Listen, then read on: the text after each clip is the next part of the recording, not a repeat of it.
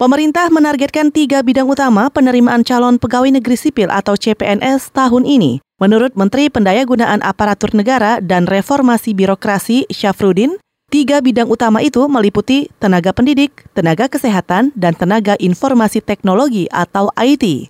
Menurutnya, tenaga IT diperlukan mengingat era digital semakin pesat, termasuk ancaman siber yang sering banyak menyerang pemerintah. Tahun ini kita akan merekrut ASN 100 eh, ribu CPNS. Tetap kita fokus kepada guru karena memang kita tantangan utamanya untuk membangun SDM. Kemudian yang kedua tenaga kesehatan karena sangat kekurangan. Kemudian aspek yang ketiga adalah teknologi IT. Diharapkan para anak muda kita di samping mempunyai pengetahuan teknologi untuk instansi lembaga yang punya kerahasiaan yang sangat tinggi antara lain TNI, Polri dan sebagainya itu rekrutmen tenaga IT kita akan tingkatkan. Menpan RB Syafrudin juga menuturkan fokus pembangunan negara tidak harus melulu pada masalah ekonomi atau sosial budaya. Pemerintah juga harus jeli melihat masalah keamanan termasuk keamanan siber. Apalagi menurut laporan yang ia terima, situs rahasia pemerintah tahun lalu sempat ribuan kali diretas.